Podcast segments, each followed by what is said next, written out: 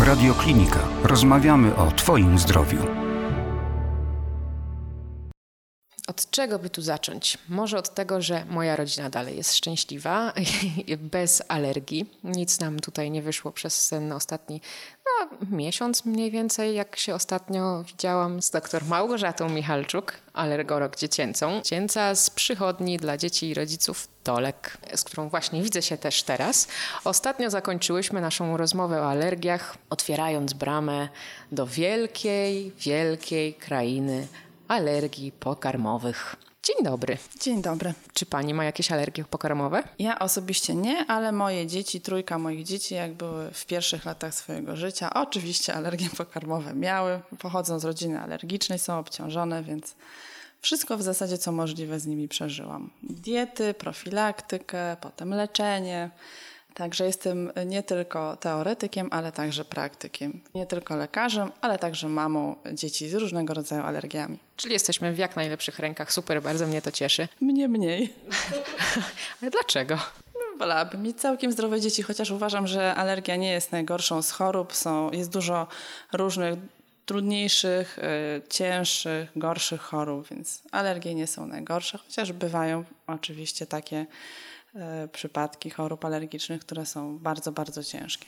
No to zacznijmy od początku. E, bo już jest taki, nie wiem, czy stereotyp, czy legenda ludowa, czy prawda, no ale jest takie przeświadczenie wśród mam, że już jak jestem w ciąży, to już wtedy mogę moje dziecko narazić na różnego rodzaju alergie. No i część mam stwierdza, że będzie ograniczało to, co je, czyli będzie już jadło tylko na przykład gotowanego kurczaczka na parze i gotowanego tam, nie wiem, brokułka, kalafiorka, koniec. Mm, nie jest to do końca prawdą, aczkolwiek prawdą jest, że nie tylko w ciąży, ale jeszcze wiele, wiele miesięcy przed ciążą, a najlepiej i wiele lat w ciąży, warto odżywiać się w sposób zdrowy, tak? Mm, jeść zdrową żywność, e, bez różnych dodatków sztucznych, bez barwników, bez konserwantów, po prostu zdrowo się odżywiać. Natomiast wszelkiego rodzaju diety eliminacyjne w ciąży, o ile mama nie ma alergii pokarmowej, nie są zalecane i było mnóstwo prac e, naukowych na ten temat zrobionych. Nie ma takich aktualnie zaleceń, że ograniczanie którychś produktów spowoduje mniejsze ryzyko chorób alergicznych u dzieci. Tak samo były liczne prace na temat e, spożywania przez kobietę przyjmowania probiotyków w ciąży. Tych prac jest całe mnóstwo. Było mnóstwo prac, które mówiły, że spożywanie probiotyków zmniejsza ryzyko alergii e, pokarmowych. Potem były prace, że zmniejsza ryzyko atopowego zapalenia skóry ale też jest mnóstwo takich prac, które temu przeczą, więc tak naprawdę znowu zdrowy rozsądek jest najlepszy. A czy jak już powiedzmy tak mama się ogranicza w ciąży, bo stwierdza, że dobra, nie będzie jadła truskawek, bo one są z tym ma mają dużo tych alergenów i na przykład później jak już dziecko się urodzi, nagle mama zacznie jeść truskawki. To czy wtedy jest większe na przykład ryzyko, że to dziecko źle zareaguje na alergen, kiedy w ciąży nie, przez pępowinę nie dostawało pewnych składników, a nagle z mlekiem ten składnik przychodzi, czy to też nie ma większego znaczenia? Nie, to nie ma większego znaczenia, już na pewno nie w przypadku truskawek. A w innych pokarmów? E, w, innych, w sprawie innych pokarmów no lepiej jest nie unikać e, takich najczęstszych alergenów, tak? jeżeli nie ma do tego wskazań, typu na przykład e, nabiał, czy pszenica, czy jaja kurze ale to może też ma większe znaczenie nawet nie tyle w ciąży, co później w e, tym okresie dorastania, e, nabywania tolerancji na różne pokarmy, ale o tym porozmawiamy później. No dobra, skoro później, to później, bo jeszcze dziecko nam się nie narodziło, jesteśmy nadal w ciąży. A jeśli mama ma jakąś alergię, to czy może na przykład przyjmować leki, czy raczej powinna po prostu, nie wiem, omijać dany produkt, e, mówimy cały czas oczywiście o pokarmach, o jedzeniu, e, żeby swoje dziecko nie narazić tym alergenem, e, znaczy tą alergią tak naprawdę, czy to też jakby jest poza mocą mamy i tak czy siak to dziecko będzie obciążone, tylko e, zależy, czy ta uczulenie tak, przerodzi się w alergię. Mama, jeżeli jest rzeczywiście na coś uczulona i ma faktycznie objawy alergii, to nie powinna przyjmować pokarmu i to jest danego, na który jest uczulona i to jest jej e, leczenie przede wszystkim. Natomiast e, jeśli chodzi o leki, to jako takie w alergiach pokarmowych tych leków często nie używamy, chyba że alergia się objawia akurat na przykład pokrzywką, tak, po, po spożyciu danego pokarmu, czy nie daj Boże wstrząsem anafilaktycznym, to wtedy wiadomo, że mama musi w razie objawów leki też y, przyjmować. Więc jakby jej dieta głównie jest pod kątem jej choroby alergicznej, a nawet nie, nie jako takiego zabezpieczenia i zapobiegania chorobie y, u dziecka. No i dziś nam się rodzi. Jest to szczęście, objawia nam się chłopczyk bądź dziewczynka na świat, jest karmiony mm, mlekiem matki, albo mlekiem modyfikowanym. Czy tutaj jest jakaś różnica wpływająca na alergię? Y, jest. Y, oczywiście zalecenia są takie, żeby przede wszystkim i najlepiej dla dziecka, żeby mama karmiła dziecko y, piersią. To zmniejsza ryzyko chorób alergicznych i nie tylko chorób alergicznych, zwiększa też odporność dziecka i generalnie ma dobroczynny wpływ na cały jego rozwój. Natomiast jeśli mama z jakiegoś powodu nie może karmić dziecka piersią, a wywiad y, jest obciążony, czyli występują choroby alergiczne w rodzinie, to wtedy zalecane jest karmienie takiego dziecka, podawanie mu mieszanki albo hipoalergicznej, czyli tak zwanych preparatów y, HA, albo wręcz już hydrolizatu białka mleka krowiego. Hydrolizat białka mleka krowiego to brzmi bardzo poważnie. To są najczęściej takie dwa preparaty na naszym rynku: Babylon Pepti DHA albo Nutramigen. Jedna z Babylon Pepti DHA to są białka serwatkowe, a Nutramigen to białka kazeinowe. I one są takie super mega bezpieczne, jeżeli chodzi o alergię. Nic nie jest super mega bezpieczne, bo uważa się, że co dziesiąty pacjent uczulony na białko mleka krowiego też może być uczulony na te hydrolizaty i wtedy stosuje się mieszanki elementarne czyli wśród preparatów to jest Nutramigen Puramino czy Neocate. No to w przypadku takiej tej mieszanki, tych mle, mleka modyfikowanego jest w zasadzie prosta sytuacja, bo tutaj mama nie ma ograniczeń, może pokarmowo szaleć, biegać od restauracji do restauracji, oczywiście pod warunkiem, że się odżywia zdrowo, bo tylko tak się odżywiamy. No ale jeżeli jest to karmienie piersią, tak, no to tutaj właśnie to samo jakby coś, to co w ciąży. Czy tutaj znowu bardziej się ograniczamy w czymś, czy nie wiem, nie jemy któryś pokarmów, y, które są w ogóle mm, te popularne takie z największą ilością tych alergenów. Ale mówimy o y, zdrowym dziecku i zdrowej mamie, czy o osobach obciążonych? A to jest duża różnica? Też jest różnica, tak? Bo jeżeli jest y, dziecko zupełnie zdrowe i nie obciążone chorobami alergicznymi, to można jeść wszystko, aczkolwiek wiadomo, że w tych pierwszych miesiącach jednak mamie się zaleca żeby nie szalała z pewnymi produktami, ale to bardziej powiedzmy na różnego rodzaju jakieś y, dolegliwości brzuszkowe, takie popularne, tak, typu kolki a nie choroby alergiczne. Natomiast jeżeli ten wywiad jest obciążony, no to wtedy rzeczywiście można pomyśleć ewentualnie o mm, ograniczaniu tych produktów mocno alergizujących, jakieś orzechy, właśnie owoce morza. A czy to obciążenie idzie od rodziców, czy też na przykład od dziadków, albo od e, rodzeństwa rodziców, czy od pradziadków, od kuzynostwa? Jak daleko patrzeć, żeby nie popaść w paranoję, tak? Bo mój tam kuzyn stryjeczny od strony tam pradziadka miał alergię na orzechy i o mój Boże. Tak, więc jak daleko sięgamy ten wywiad? Najczęściej zwracamy uwagę na rodzeństwo rodziców i dziadków czyli nie za daleko i nie za bardzo w bok. Okej, okay. i to najczęściej jest tak, że jeżeli na przykład y, pff, dziadek miał alergię na orzechy, to to jest obciążenie alergią na orzechy, czy po prostu alergią pokarmową w ogóle i trzeba uważać bardziej na jedzenie. Generalnie to jest obciążenie chorobą alergiczną, a ona może mieć różny obraz. To może być alergia wziewna, alergia pokarmowa, wszelkie rodzaje. To jest obciążenie y, szeroko pojętą atopią. Natomiast też trzeba wiedzieć, że y, dziecko zdrowe, nieobciążone ma około 20% szans y, zachorowania na chorobę alergiczną. Tak? Dziecko, które ma już y, obciążony wywiad, ktoś w rodzinie, z tej, której powiedziałam, jest chory, to jest to mniej więcej 40%. Jeżeli obydwoje rodziców ma chorobę alergiczną, to już ryzyko choroby alergicznej u dziecka jest około 60% a jeżeli obydwoje rodziców jest uczulonych i na ten sam alergen, to to ryzyko aż rośnie do 80%, więc tak mniej więcej statystycznie to wygląda. Kiedy można stwierdzić u takiego maluszka, że to jest faktycznie alergia pokarmowa? Złotym standardem rozpoznawania alergii pokarmowej jest próba eliminacji i prowokacji, czyli żadne tak naprawdę testy, żadne badania dlatego że one nie są e, doskonałe, z tego względu, że nie mamy e, tak doskonałych metod diagnostycznych. Typów reakcji alergicznej jest są cztery, e, z czego najlepiej potrafimy badać typ pierwszy reakcji zależny od tych przeciwciał w klasie IgE. i w związku z tym no, badania nasze nie są doskonałe. Tak? Część pacjentów uczulonych może mieć badania ujemne, część pacjentów zdrowych może mieć dodatnie.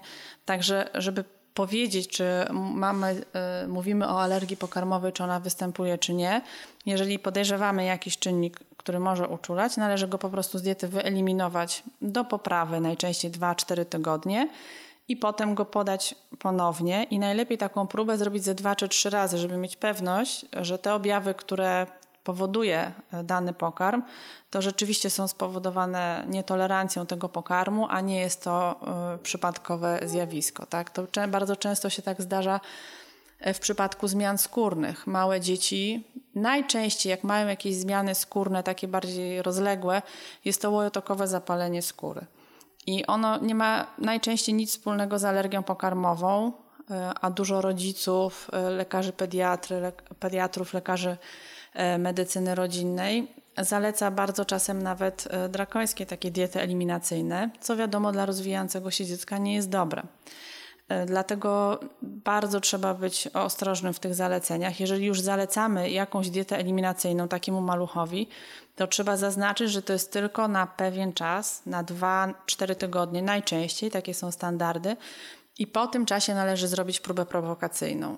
A w przypadku zmian skórnych, zwłaszcza tych łojotokowych, polecam, żeby ta, tą próbę prowokacyjną zrobić dwa czy trzy razy, dlatego że zmiany łojotokowe mogą e, pojawiać się niezależnie od, e, od czynnika pokarmowego. Mogą występować w różnych okolicznościach.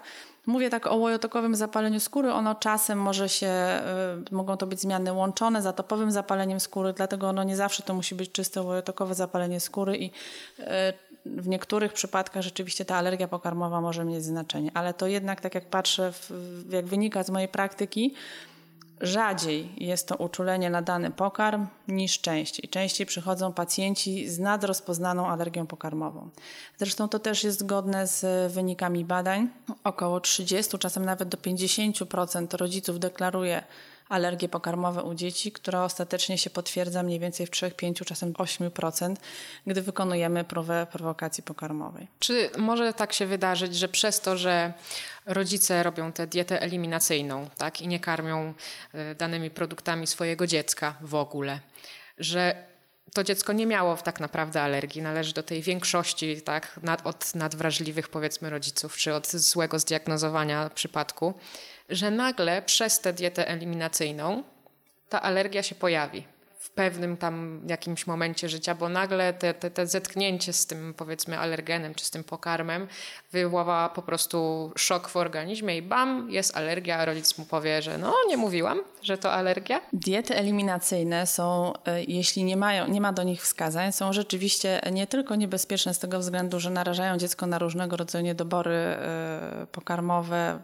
dziecko może gorzej się rozwijać, gorzej wzrastać, Natomiast wtórnie rzeczywiście, jeżeli długo stosujemy dietę eliminacyjną, zwłaszcza jeżeli nie ma do niej wskazań, czyli nie było faktycznego uczulenia alergii pokarmowej, możemy e, wtórnie pozbawić dziecko tolerancji na dany pokarm i po iluś latach przypadkowe spożycie nawet niewielkiej ilości pokarmu może spowodować, oczywiście nie musi, ale zdarzają się takie przypadki, że może spowodować nawet wstrząs anafilaktyczny, więc to nie jest zalecane. W ogóle generalnie mm, częściej powinniśmy mówić o zjawisku nietolerancji pokarmowej niż samej alergii pokarmowej, dlatego że nietolerancje pokarmowe u dzieci najczęściej zdarzają się jako zjawisko wtórne.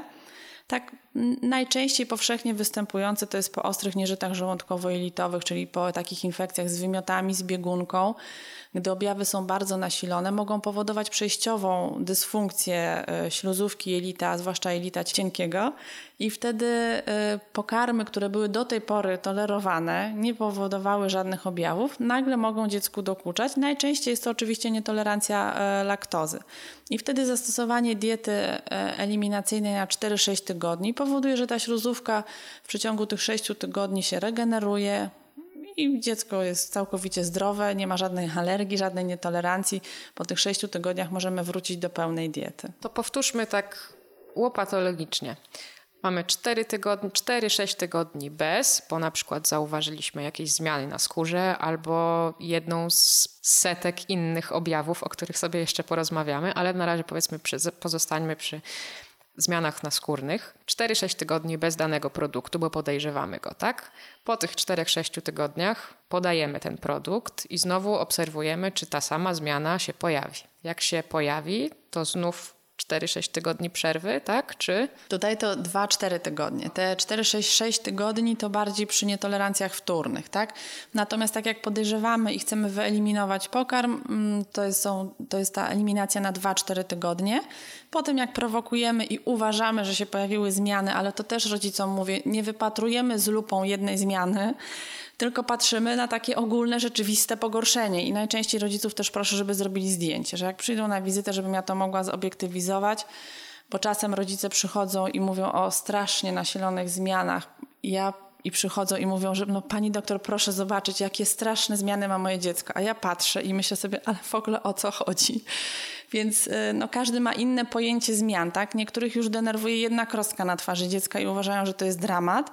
No o takich zmianach nie, nie myślimy w przypadku eliminowania jakiegoś pokarmu, tak? Więc jeśli już eliminujemy pokarm na te powiedzmy przykładowo 4 tygodnie, prowokujemy i wydaje nam się, że wystąpiły jakieś zmiany. I tu też najczęściej z powodu tylko na przykład zmian skórnych, raczej ja się staram tych diet e, nie zalecać, chyba że ewidentnie uważam, że to są zmiany alergiczne. Natomiast zawsze wyszukuję innych cech, żeby mieć kilka innych objawów. Wtedy tak, wtedy zalecam te diety eliminacyjne. O tych objawach zaraz powiem. Natomiast jak już pokarm eliminujemy, robimy tą prowokację i potem chcemy zrobić kolejną prowokację, to czekamy po prostu na poprawę. Skóra się poprawia, czy inne objawy wiemy, że ustępują i wtedy podajemy pokarm, więc krócej. Już wtedy nie czekamy te 2-4 tygodnie, tylko do poprawy, żeby ewentualnie zauważyć znowu to pogorszenie. Ale są też na przykład tacy rodzice, którzy uważają, że ich dziecko jest uczulone nie na jedną jakimś tam pokarm, tylko na szereg, 12 in różnych tam nie wiem, nie będę wymieniać, no ale 12 różnych spożywczych produktów, tak? I, I, jak wtedy się robi te prowokacje? Najpierw nie podajemy przez 2-4 tygodnie tych 12 produktów i potem robimy prowokacje z 12 produktami. Jak, jak wyeliminować, który faktycznie jest y, jakoś tam uczulający, czy źle wpływa i tak dalej? Bo to zazwyczaj tak się rozchodzi u rodziców, że to dziecko jest już uczulone, ma alergię, przepraszam, na wszystko. E, tak, to też jest bardzo różnie. Tak naprawdę z każdym pacjentem trochę inaczej, to bardzo zależy od wywiadu. E, też trochę czasem można powiedzieć od jakiejś już takiej intuicji, tak, którą się ma po iluś latach w miarę wypracowaną. Natomiast y, statystycznie wiemy, że dzieci najczęściej uczula białko mleka, białka, uczulają białka mleka krowiego, jaja kurze, pszenica, soja, to są te najczęstsze alergeny pozostałe rzadziej. U dorosłych troszkę jest to inaczej, u dorosłych częściej e, orzechy czy owoce morza, tak? Więc u dzieci albo możemy zacząć od wyeliminowania tych najczęstszych alergenów i w przypadku tych kilku miesięczniaków z różnymi objawami alergii zaleca się wyeliminowanie z diety czy matki, czy dziecka białek mleka krowiego i jaja kurzego. To są dwa pierwsze alergeny, które się eliminuje. Ale czasem, jeżeli mamy y, dziecko, które już spożywa więcej pokarmów i rzeczywiście podejrzewamy kilka, kilkanaście, w skrajnych przypadkach przy ciężkich objawach, zaleca się dietę eliminacyjną, czy na podstawie tych objawów z wywiadu, czy też na podstawie badań dodatkowych, eliminację tych wszystkich alergenów, tak? A czasami, y, jeżeli nie pomaga przykładowo wyeliminowanie białka mleka krowiego, jaja kurzego, a nadal widzimy objawy, to czasami robię tak, że się pytam mamy, czego ona spożywa najwięcej, bo czasem się okazuje, że na przykład zajada się marchewką, nie wiem, ryżem czy ziemniakiem, które uważane są za pokarmy generalnie mało alergizujące, ale jednak okazuje się, no tu akurat na przykład ta marchewka, tak? Czy ostatnio miałam takiego mm, kilkuletniego pacjenta Chińczyka, bo tutaj mamy akurat dużo takich pacjentów i uczulony na ryż w szóstej klasie. Rodzice jak przyszli z tym wynikiem byli załamani. Także no, różne sytuacje się zdarzają. Ale może, bo oni mają jakoś dużo tych odmian ryżu, to może nie na wszystkie uczulone, może, może muszą popróbować po prostu, która odmiana będzie dla ich dziecka ok, czy to jednak ryż to po prostu ryż już odmiany wtedy nie są istotne? E, szczerze powiem, że nie wiem, ile odmian tych ryżu i jaki my od, jaką my odmianę ryżu badamy. Natomiast no, rzeczywiście ten chłopiec po zastosowaniu diety eliminacyjnej wszystkie zmiany, a on akurat miał wściekłe zmiany na skórze, wszystko mu ustąpiło, włącznie ze świątem. Faktycznie podali, zrobili tą próbę prowokacyjną i było strasznie. Więc tutaj no, nie było żadnych problemów. Był to przypadek e, zupełnie oczywisty. Potem, jeśli chodzi o te prowokacje, e, jak już wprowadzam dany pokarm i zdecyduję się na to, co prowokować, e, zakładając, że, że mówimy o tych pokarmach, które nie, nie niosą ze sobą ryzyka wstrząsu anafilaktycznego, bo czasem są takie sytuacje, że ja w gabinecie, w przychodni nie mogę zalecić pacjentowi prowokacji domowej. Są takie przypadki, kiedy dziecko może mieć tą prowokację zrobioną tylko i wyłącznie w warunkach szpitalnych. Ale jeżeli mówimy o pacjencie w przychodni, takich jest większość, to najczęściej decyduje się na wprowadzenie tych pokarmów, które mają największe znaczenie w diecie dziecka, tak? najwięcej wartości odżywczych, a zostawiam na koniec najmniej istotne, nie wiem, przykładowo białko mleka, białko jaja kurzego. Tak? Ono jakoś specjalnie nie ma znaczenia, ale już żółtko jaja no ma dużo różnych substancji, e, makro, mikroelementów, żelaza szczególnie i chcemy, żeby dzieci akurat żółtko spożywały. Też nie wiem, czy dobrze mi świta, ale ostatnio zakończyłyśmy rozmowę tak, pani chyba wspomniała, że jak jest ten produkt, to na surowo może on uczulać, ale już na przykład ugotowany, czy usmażony, czy upieczony działa lepiej, że w tę stronę też można popróbować, żeby jakby ta dieta była dobrze rozszerzona w składniki odżywcze, y, żeby po prostu próbować różnych konsystencji, różnych y, odsłon danej potrawy? Zdecydowanie tak. I jak zalecam te prowokacje, też oczywiście mówimy o pacjentach, u których można to zrobić y, w warunkach ambulatoryjnych to zalecam wprowadzanie no, najczęściej tego, tych białek mleka krowiego, czyli nabiału lub jaja kurzego, najpierw pieczonego, więc w ciastach, y, potem gotowanego, a dopiero później y, inne tak produkty. Bo bardzo często jest tak na przykład, że jajko dziecko pieczone, gotowane może jeść, a już przy jajecznicy się pojawiają problemy, y, nawet wymioty, tak? No to skoro nawet wymioty już doszły nam do tych skórnych objawów, no to porozmawiajmy właśnie o tych symptomach, tych naocznych po prostu śladach alergii pokarmowych. Wiemy, że to jest prawie wszystko, ale no przyjrzyjmy się temu troszeczkę. Prawie wszystko, bo nawet same zmiany skórne mogą być różne, tak? Mogą być to takie zmiany mm, popularnie zwane e, atopowe, czyli e, suche, czerwone placki, swędzące ale może być też pokrzywka, czyli takie bąble, jak po, e, po oparzeniu pokrzywą. Z objawów takich ostrych, to też już o tym mówiłyśmy, zagrażających życiu, to mogą być e, wymioty, duszności, e, uogólniona pokrzywka, włącznie ze wstrząsem anafilaktycznym. Może być też pokrzywka z obrzękiem warg i często się tak zdarza, że małe dzieci Najczęściej karmione piersią, mama na diecie pełnej nic się nie dzieje, a dostają pierwszy raz mieszankę e, mleczną jakąś i dostają właśnie rumienia wokół ust, pokrzywki i wymiotów. Tak? Więc to też są takie objawy, które już przy następnym spożyciu takiej mieszanki mlecznej mogą spowodować e, nawet reakcje bardziej uogólnione ale mogą być różne objawy e, ze strony dolnego odcinka e, przewodu pokarmowego, takie colitis alergika, czyli zapalenie e, dystalnego jelita, czyli konkretnie jelita grubego, czyli najczęściej właśnie bóle brzuszka, dyskomfort, kolki, biegunka ze śluzem, a nawet z krwią. Właśnie te bardzo często popularne takie pasemka krwi w stolcu, tak? E, często też przy tym występuje rumień wokół odbytu i to są właśnie, to, to akurat jest ten typ reakcji alergicznej IgE niezależnej. I tutaj e, robienie tych badań, takich popularnych, tych paneli, e, panelu pokarmowego czy panelu pediatrycznego nie ma sensu, bo to są najczęściej reakcje IgE niezależne i tutaj no to tylko i wyłącznie nam zostaje dieta eliminacyjna, próba prowokacyjna i potwierdzenie, bo to też jest ważne do rozpoznania, tak żeby móc wypisywać pacjentowi mieszanki te mleko zastępcze, hipoalergiczne, czy już e, dla dzieci uczulonych te preparaty kazeinowe czy serwatkowe, musimy, żeby móc roz, przepisać to na zniżkę, musimy mieć pełne rozpoznanie, a pełne rozpoznanie e, to jest właśnie próba eliminacji i potem prowokacji, czyli udowodnienie, że dany pokarm wywołuje objawy. E, ale mogą, objawy alergii też mogą występować e, w postaci takich e, bardzo nietypowych, na przykład z ośrodkowego układu nerwowego, czyli różnego rodzaju niepokoje, jakieś napady agresji, lęków, zaburzenia snu. No wszelkie nawet dziwne objawy, które nam by się wydawały, że wcale nie. Naprawdę? Nawet jakieś zaburzenia snu i nie wiem, zły humor to też może być y, alergia pokarmowa? E, tak, takie na przykład jakieś nawet się zdarzały dzieci czasem z krzykami nocnymi, tak? No bardzo, e, bardzo dziwne. Tu doktor, doktor Zawadzka z Warszawskiego Uniwersytetu Medycznego dużo różnych takich prac ma w piśmiennictwie.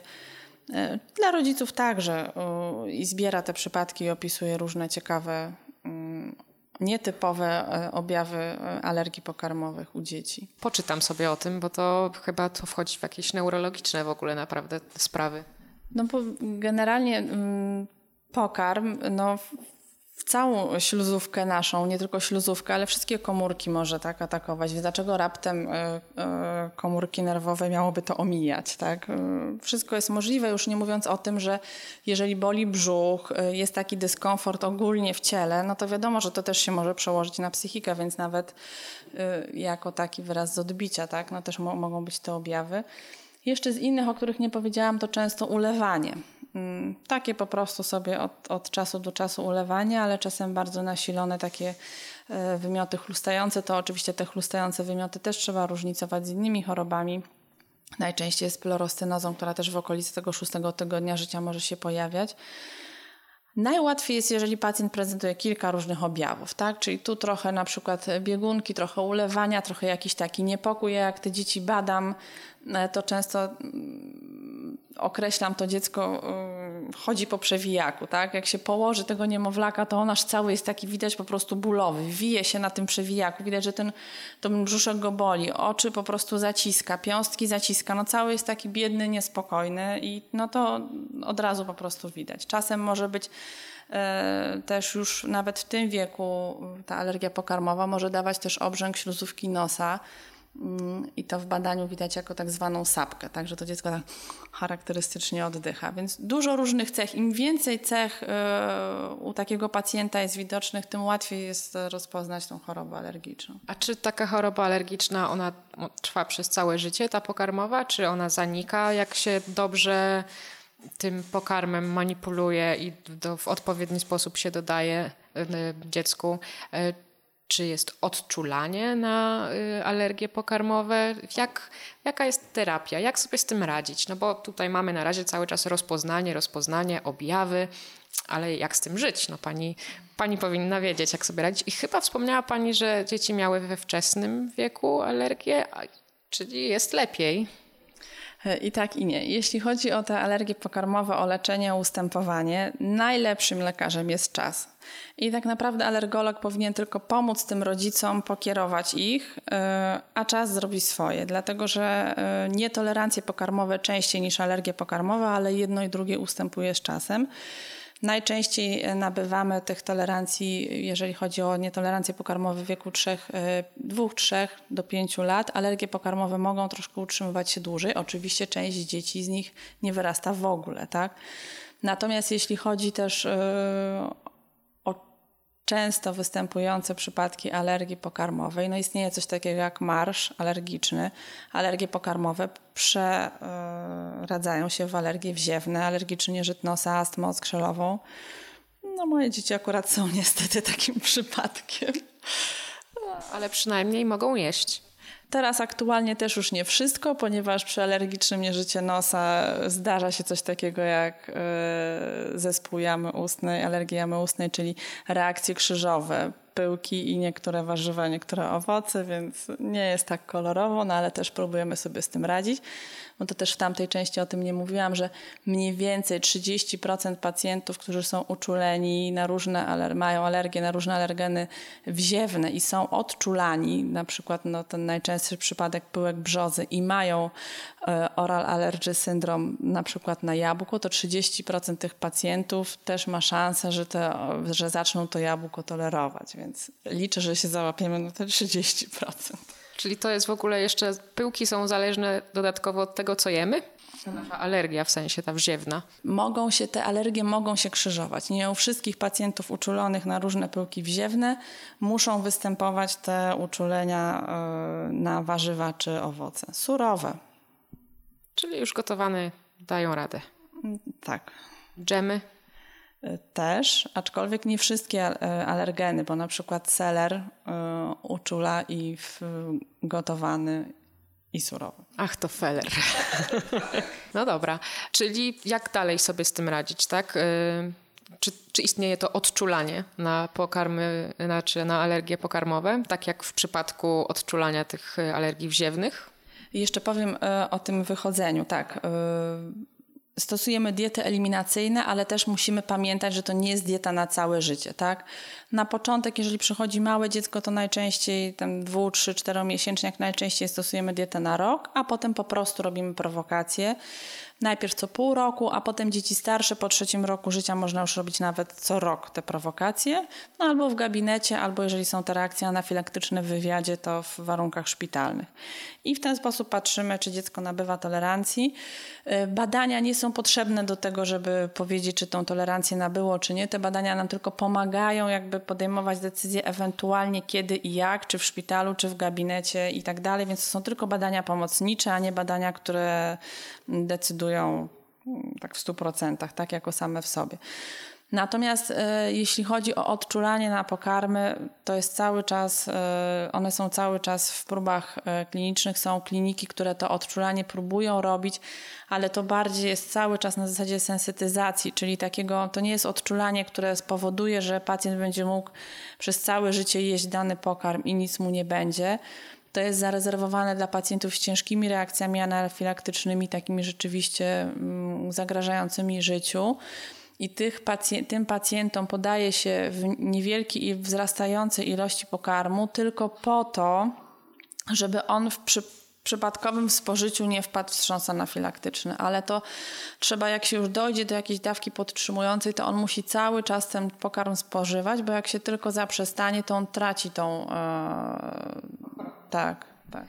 To y, tutaj mi się kojarzą orzechy, że są takim produktem, które te wstrząsy powodują. To w wielu filmach nawet jest wykorzystywany motyw, że tam podrzuca się komuś troszeczkę orzeszka i, i są sprawy sądowe później i tak dalej, i tak dalej. Czy to jest prawda z tym orzechem i jakie jeszcze produkty są takie mocno niebezpieczne, powiedzmy, jeżeli ma się alergię, to które wpływają na te wstrząsy? Orzeszki są rzeczywiście bardzo niebezpieczne. U nas na szczę- orzeszki ziemne, czyli te arachidowe. U nas e, na szczęście nie jest to częsty problem.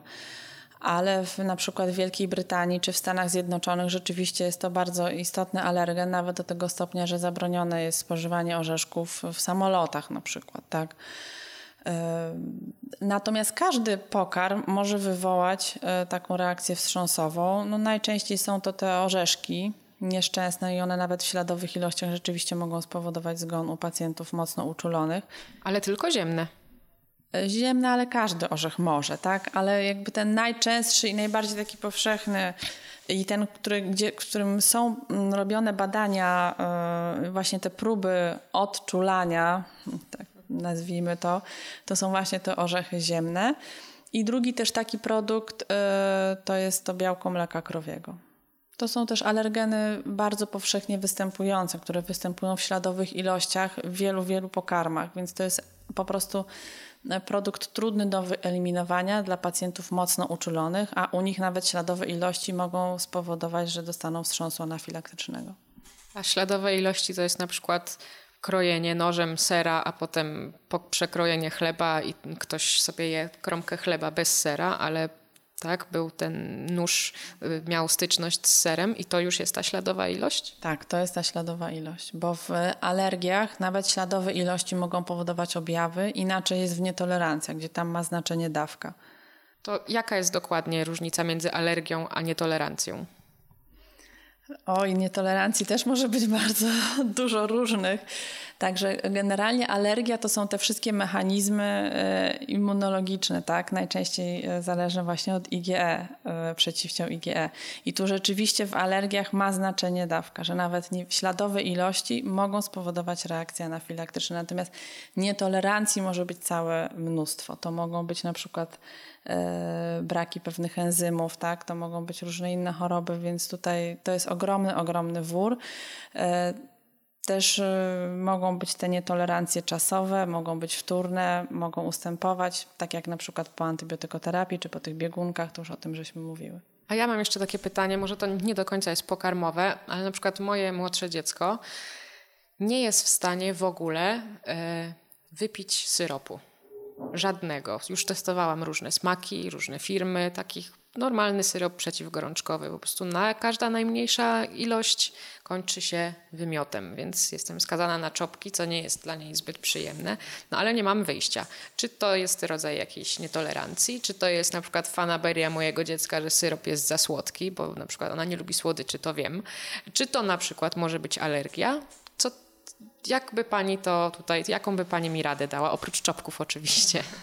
To też pytanie, czy to rzeczywiście jest, czy to na przykład nie jest taki odruch, tak, jakby mm, czysto fizjologiczny, że ona po prostu w ogóle nie wypije żadnego syropu. Można spróbować podać ten sam lek, na przykład paracetamol w kroplach i zobaczyć, czy też tak będzie reagować, czy nie. Bardzo często jest tak, szczególnie w przypadku ibuprofenów tych forte, stężonych, że one przez to, że są stężone, są po prostu mm, mocno drażniące i dzieci faktycznie reagują albo kaszlem, albo wręcz wymiotami czy odruchem wymiotnym po spożyciu tego, tego syropu. Czasami jest to bardziej nietolerancja niż alergia na różne dodatki smakowe do tych syropów, pomarańczowe, e, truskawkowe, bananowe i inne. Więc najlepiej, żeby, nie sądzę, żeby to, to znaczy inaczej, to na pewno nie jest alergia, skoro w czopku jest lek tolerowany, a nie jest tolerowany w syropie, więc to bardziej jest forma podaży niż problem z Czopek też raczej nie jest truskawkowy ani bananowy, więc może to po prostu te dodatki smakowe na przykład. Tak, więc można szukać takich syropów bez dodatków smakowych, czasami się takie zdarzają i można, tak jak w przypadku paracetamolu jest taka możliwość, spróbować w kroplach, on tam też nie ma tego dodatku smakowego. To już tak podsumowując bardziej, mm, mamy dziecko z alergią i chcemy stosować tę dietę eliminacyjną, ale chcemy też, żeby nasze dziecko się dobrze odżywiało, żeby dostawało tych wszystkich składników, które potrzebuje, tak? Jak to robimy? Przede wszystkim sensownie, to znaczy poza naszymi zaleceniami jako lekarza alergologa, czego dziecko nie może jeść, a co może jeść, trzeba pamiętać, żeby ta dieta była dobrze zbilansowana. E, I to jest bardzo istotne. I każde dziecko, które jest na jakiejś diecie eliminacyjnej, szczególnie im więcej różnych e, pokarmów jest eliminowanych, każde takie dziecko powinno być skonsultowane przez e, specjalista dietetyka. Najczęściej mówię rodzicom, żeby przygotowali się do tej wizyty, czyli spisali bardzo dokładny jadłospis dziecka, co ono jadło przez trzy ostatnie dni, jakościowo i ilościowo, włącznie z płynami i z, takim, e, z takimi notatkami zgłosili się do dietetyka, który wylicza wtedy, czy e, jest e, zapotrzebowanie energetyczne, kaloryczne, czy na różne składniki odżywcze, czy to zapotrzebowanie jest dobrze zbilansowane, tak? Też pod kątem wapnia w przypadku diet eliminacyjnych. Podobnie zresztą u mam, które karmiąc piersią są na dietach bezmlecznych, bez nabiału. Musimy pamiętać, że taka mama powinna suplementować sobie wapń mniej więcej 1000 mg na dobę, plus oczywiście witamina D3. Więc szczególnie u dzieci w okresie wzrastania musimy o tych konsultacjach dietetycznych pamiętać. To jeszcze, bo tak y, zaświtała mi lampeczka, jak pani powiedziała, płyny. Nie wiem, herbata też uczula? Herbata jako herbata nie, ale czasami te dodatki smakowe mogą powodować objawy nietolerancji. Tak, to się też zdarza. Porozumiem, że tam soki marchewkowe i tak dalej robi z tych pokarmowych y, rzeczy wtworzone, no to wiadomo, że mogą powodować alergię ale herbata sama w sobie nie. Czyli zwykła zielona, zwykła czarna, tam zwykła biała nie powinny. Nie, nie powinny. Natomiast właśnie już jak rozmawiamy na przykład o sokach, bardzo często zdarza się, że przychodzi dziecko taki kilkulatek, i mama mówi, że biegunki, biegunki, ciągle ten stolec taki luźny i, i co tutaj zrobić. I wystarczy też zebrać e, dokładnie wywiad, bo czasami okazuje się, że to wcale nie jest żadne uczulenie, alergia, nietolerancja czy, czy inny tego typu problem, tylko tak zwana biegunka pędraków, czyli dziecko, które e, spożywa za dużo węglowodanów prostych, za dużo soków, czasami są to naprawdę ogromne ilości, to znaczy typu litr, dwa dziennie, tak, a zalecenia są takie, żeby to było 150 ml na dobę, a prawie w ogóle nie ma y, tłuszczy żadnych, tak? Ten pokarm jest taki y, suchy w cudzysłowie, tak? Na przykład, nie wiem, kanapki, kasze, jakiś tam jogurt i te soki, soki, soki, a wszystko jest w ogóle indyczki, kurczaki, tak? A tego tłuszczu nie ma w ogóle i wtedy wystarczy tylko dietę zmodyfikować i problem biegunki też ustępuje, więc bardzo dużo problemów, z którymi zgłaszają się rodzice, to tak naprawdę wcale nie są alergie, tylko innego rodzaju nietolerancje czy innego rodzaju choroby z szeroko pojętych chorób pediatrycznych. Czyli tak naprawdę, kiedy przyjdzie nam na myśl, żeby wybrać się do alergologa, to też powinna nam zaświtać, żeby może odwiedzić dietetyka. Y, dietetyka tak, y, można na początku, bo dużo pewnie problemów można by wykluczyć, natomiast też na pewno myślę, że jednak już po wizycie dobrze też tego dietetyka odwiedzić, żeby ta dieta była zbilansowana i dobrze ułożona w przypadku tych dzieci uczulonych. Na pewno, jak już myślimy o jakichś e, chorobach, czy alergicznych, czy innych nietolerancjach, na pewno najważniejsze, czego nie można robić, to eliminować danego produktu. Szczególnie to jest istotne przy wszelkiego rodzaju nietolerancjach glutenu, bo no, to jest taki też problem e, ostatnio bardzo głośny, medialny i nie tylko u dzieci, ale i u dorosłych, i u celebrytów szczególnie to jest to uczulenie, alergia, nietolerancja, celiakia, tak, glutenu, czy nieceliakalna nietolerancja glutenu. Tu bardzo ważne jest, żeby nie wprowadzać diety bez pszenicy, bez glutenu, bo to jakby bez glutenu to szerzej niż pszenica, tak? Zanim się nie wykluczy celiaki, bo jak już jest dziecko czy, czy pacjent na diecie bezglutenowej, to wykluczenie czy potwierdzenie celiaki e, może być bardzo trudne. Czyli jemy normalnie, zupełnie normalnie. Nie idziemy za modą, że super fajnie bezglutenowo, tylko jemy normalnie. A gdyby coś się wydarzyło, idziemy do lekarza. Jak się dowiemy, że mamy te nietolerancje, celiaklie, alergie, to dopiero wtedy możemy być modni i jeść bezglutenowo. Tak jest, bo y, dieta w celiaki, a dieta w, w, nietolerancji czy alergii y, na pszenicę czy na gluten jest zupełnie inna i w ogóle też inną chorobą jest celiakia. Tak? To jest choroba autoimmunologiczna, która może dawać wiele ciężkich i odległych nawet powikłań, więc tutaj ta dieta i świadomość też pacjenta w związku z tym e, no, musi być zupełnie inna. Czyli podsumowując, gluten wcale nie jest zły. Yy, tak ogólnie rzecz biorąc. Tak, tak ogólnie rzecz biorąc nie jest zły, jest też potrzebny, więc nie należy go eliminować wtedy, jeżeli nie ma do tego wskazań. Natomiast jest w cudzysłowie gluten z lepszych źródeł, gluten z gorszych źródeł, ale no to wszystko trzeba indywidualnie rozważać. Zrobiłam się głodna, szczerze powiedziawszy. Nie wiem jak pani, ale um, za chwilę udam się do domu, do kuchni i przygotuję sobie coś zrównoważonego i smacznego. I mam nadzieję, że Państwu też już ślinka cieknie i bez względu na to, czy macie alergię, czy nie macie, to za chwilę sobie przygotujecie jakiś taki pełnoprawny, pyszny posiłek. Smacznego życzę. Pani nie ma ochoty? Ja po pracy. Po pracy, no okej. Okay. Serdecznie dziękuję za rozmowę. Moim gościem była pani dr Małgorzata Michalczuk, alergolog dziecięca z przychodni dla dzieci i rodziców Tolek. Serdecznie zapraszam, ewentualnie do jeszcze jakichś dalszych rozmów. Do widzenia. Dziękuję bardzo. Więcej audycji na stronie radioklinika.pl i w naszej aplikacji mobilnej.